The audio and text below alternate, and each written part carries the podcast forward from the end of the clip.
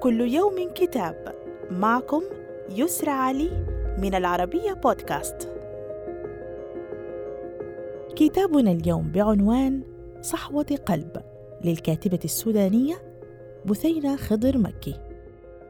أتى الكتاب على شكل مجموعة قصصية تستعيد فيها الكاتبة ملامح الوجه الإنساني لبلد ضارب بحضارته في عمق التاريخ. فتحكي عن البهجة والشجن ولحظات الفرح والسعادة ودراما الموروث الشعبي ومفارقاته في الواقع السوداني.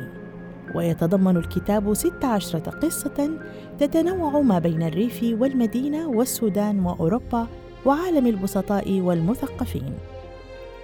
صدر الكتاب عن دار مجاز بالقاهرة وإلى اللقاء مع كتاب جديد.